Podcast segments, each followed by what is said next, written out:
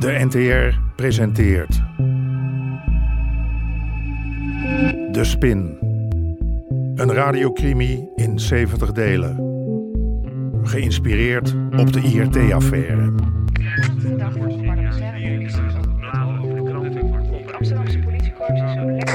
Aflevering 4. Een groeiinformant.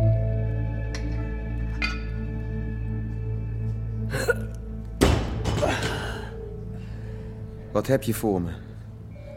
Ah, Ik kon er fazend zwaar. Ik moet al mijn oude contacten weer herstellen. Biertje hier, biertje daar. Maar eh, vordert het een beetje?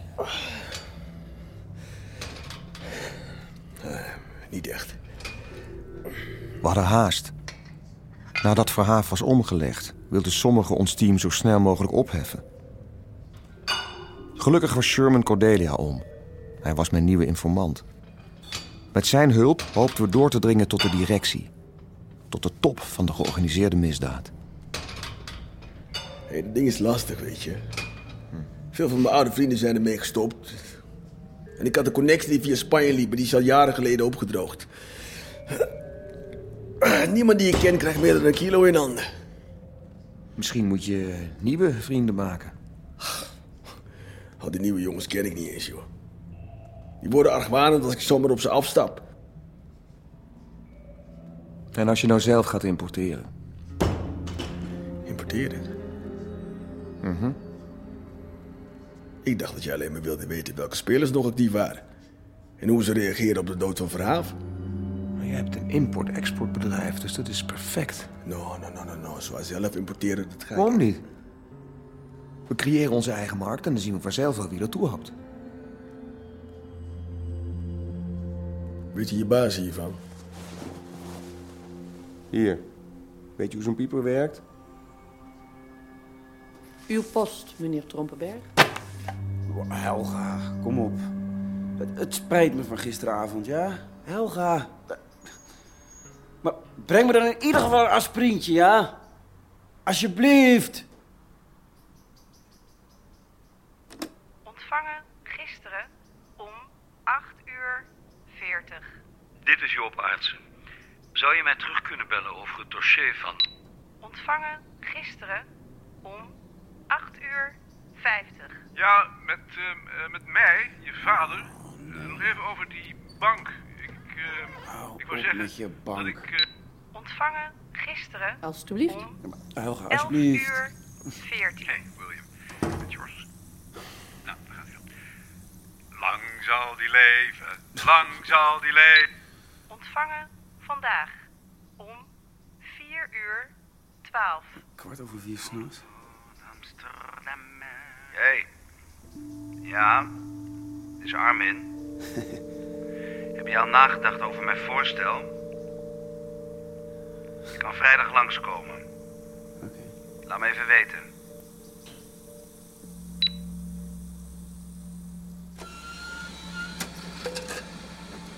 Wat? Ben jij nou helemaal van de pot gepleurd? Gecontroleerd doorvoeren. Hè? Via zijn eigen bedrijfje, Apura. We volgen de lading en dan zien we vanzelf waar het naartoe stroomt. Maar jongens, waarom kiezen jullie voor het criminele pad? Doe toch niet zo dom.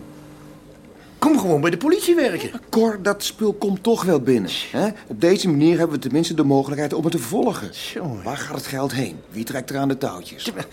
Het probleem, Wietsimans, is dat hij dan volgens het handboek van omagent geen informant meer is. Maar een infiltrant. Ach, informanten, infiltranten. Wat maakt dat nou uit, man? Jongen, jongen, jongen. Ik heb Sherman al min of meer een oké gegeven. Wat? Wat zonder mijn toestemming? Jezus, Wietse. Maar we hoeven hem toch geen infiltrant te noemen? Maar gewoon een informant die groter wordt, die, die groeit. Een, een, een eh, groeiinformant. In Amerika en Duitsland doen ze het al jaren zo, hoor. Het is niet alleen aan mij. hè? Ik moet dit ook zien te verkopen aan het OM. Ja, en ik denk niet dat mevrouw Wolfers heel erg blij zal zijn als ze hoort dat jij je eigen drugslijn bent begonnen.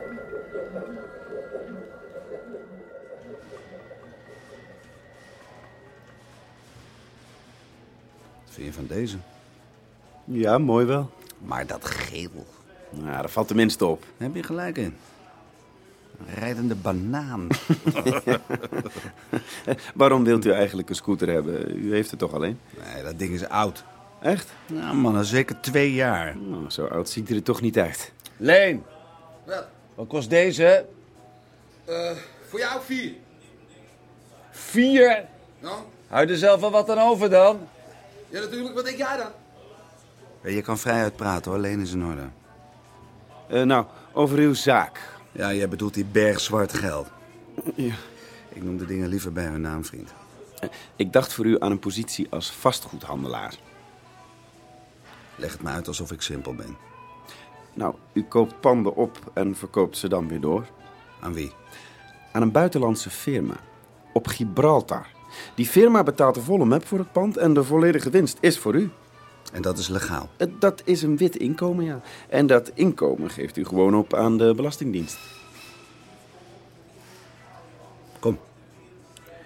Even kijken wat die achter heeft staan. Gecontroleerd doorvoeren. Ja, zodat die kan groeien. Mhm, En jullie zijn ervan overtuigd dat dit de beste manier is om snel bij de directie uit te komen. Absoluut. Oké. Oké. Ja, als het maar resultaat oplevert. Nou, Oh, jullie dachten dat ik dit af zou schieten. Nou, Die gedachte is wel bij me opgekomen, ja. Jullie waren bang voor mij. Nou, nou, bang, bang, bang. Dat is een groot woord, hè. Nou, ik heb intussen ook niet stilgezeten. Ik ben nog eens door al het materiaal heen gegaan op zoek naar mensen die mogelijk profijt hebben bij de dood van Verhaaf. En? Ik heb drie namen gevonden. Ten eerste, Eddie Lagarde. Verhaafs, rechterhand. Juist, en die vrouw die gaat over lijken, dat weet iedereen. wie nog meer? John Middelkoop. Middelkoop? Maar Die zat toch in de porno? Wat geen enkele reden is om er niet nog een andere zaak naast te doen. En hij wordt de laatste tijd wel veel gezien met die lagarde, toch? Hij heeft de afgelopen jaren steeds contact met haar gehad. Als Lagarde betrokken is bij de liquidatie van Verhaaf... Dan middelkoop ook. Maar wacht even, je, je, je koppelt ze nou wel aan elkaar. Maar zijn er ook concrete aanwijzingen dat ze Verhaaf met voor vroeg pensioen hebben gestuurd? Daar kom ik op. Er is nog een derde naam. Nout Beenhakker. Wat die vastgoedman? Juist, die Beenhakker heeft de afgelopen jaren een aantal gigantische deals gesloten... om zo een legaal inkomen voor Verhaaf te genereren. Nou en? Verhaafs vingerafdrukken zijn terug te vinden op vrijwel alle deals... die Beenhakker de laatste jaren heeft gesloten. Tot een half jaar geleden. Nou, wat is er toen gebeurd? Geen idee. Maar vanaf dat moment lijken hun wegen zich te scheiden. Misschien heeft Beenhakker het afgekapt omdat hij bang werd. Dit zijn de surveillancefoto's van een maand geleden. Links zit Eddie Lagarde, rechts zit Beenhakker. Als je bang bent voor Verhaaf, waarom ga je dan nog lunchen met zijn rechterhand? Jij denkt dat ze samen zweren? Ja, ik denk dat Eddie Lagarde achter Verhaafs rug om aan haar eigen positie heeft gewerkt... met hulp van Beenhakker en Middelkoop. En dat ze met z'n drietjes hebben besloten Verhaaf te laten liquideren. Eddie Lagarde, John Middelkoop en Nout Beenhakker. De nieuwe directie van de Verhaafgroep.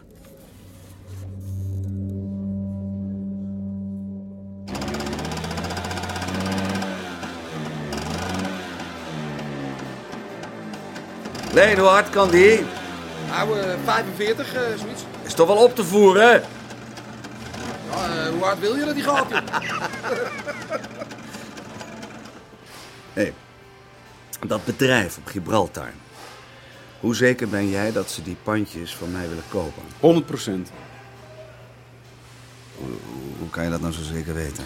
Omdat dat bedrijf via een omweg in uw eigen handen is. U betaalt in feite uzelf. Op die manier slaat u twee vliegen in één klap. Een legaal inkomen en u belegt het zwarte geld in vastgoed. Wat kost me dit? Pak een beet 5 Leen, wat kost deze? 6,5. Doe er maar twee. Twee? Eén voor jou en één voor mij. Oh, dat kan ik absoluut niet van u aannemen. Hé, hé. Wordt het niet eens tijd dat je ophoudt met dat geu? P- prima. Maar die scooter kan ik niet van je aannemen.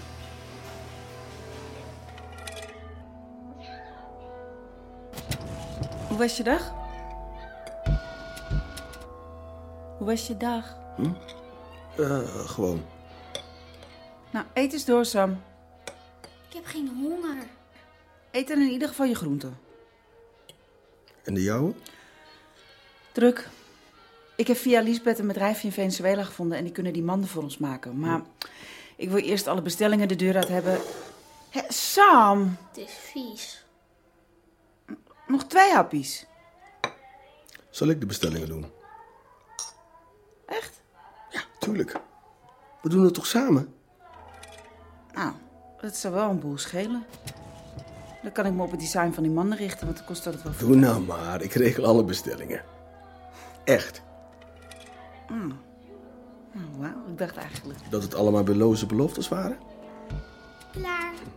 Ga maar van tafel. Dat schatje. Hé, hey, ehm, hebben wij ooit dingen uit Marokko gehaald? Eh, nee, ik dacht het niet. Hoezo? Nee, nee, gewoon zomaar. Ontwijk mijn vraag nou niet. Ik wil haar graag zaterdag nemen en eh, zondag ook. Nee. Ik wilde zondag, want dan is mijn moeder hier. Dat wordt weer een gezonde maaltijd, hoor ik. En volgende week? Ik wil haar graag een heel weekend. Ik moest een paar keer werken op avonden dat ze hier was. Dat is niet mijn schuld. Nee, dat is niemands schuld. Maar ik zou het graag goed maken. Dan moet je dan maar even aan haar vragen, want ik geloof dat je... Wacht. Mijn pieper. Kan ik zo even terugbellen? Het is dringend. Niet te laat. Dat was nou typisch Joke. Altijd maar dwars liggen, altijd problemen zien. En het liefst op een moment dat het niet uitkomt. Ik kan er slecht tegen. Ik word er ongedurig van.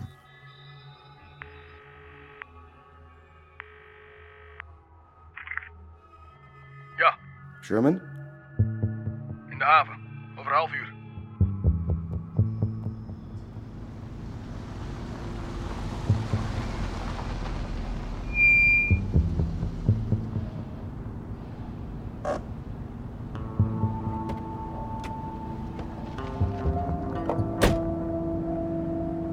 Wat was er zo belangrijk? Ik heb een eh, klein partijtje voor je kunnen regelen. Speciaal voor jou. Een klein partijtje?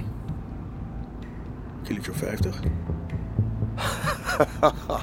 Heel goed. Uitstekend. Maar het komt uit Marokko. Dus het kan even duren voordat ik een lading heb waarin ik het spul kan verschepen. Hoe lang? Ach jongen, dat weet ik toch niet. Ik moet eerst verleden reden verzinnen om van leverancier te switchen. En dan moet ik ook nog een goede exporteur vinden in Marokko, jongen. Dat, dat, dat kost tijd, echt. Leverancier switchen? Waarom plaats je niet gewoon een order in Marokko? Wat? En hoe moet ik dan bestellen? Maar dat kan me niet schelen als die harst er maar in zit. Mij kan het wel wat schelen. A, het kost geld zo'n lading. En B, het moet een beetje geloofwaardig zijn. Ik moet toch op zijn minst de indruk wekken dat ik mijn best doe om de politie te ontlopen, toch? Als ik de boel een beetje geloof verkloten, jongen, dan krijg ik voordat je het weet een kogel door mijn kop.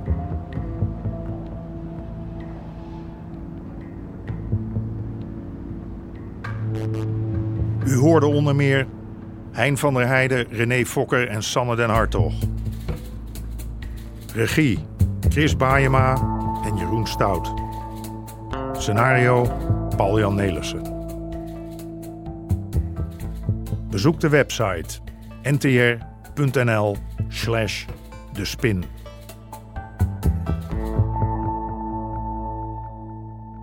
Dit programma kwam tot stand met steun van het Mediafonds en de NPO.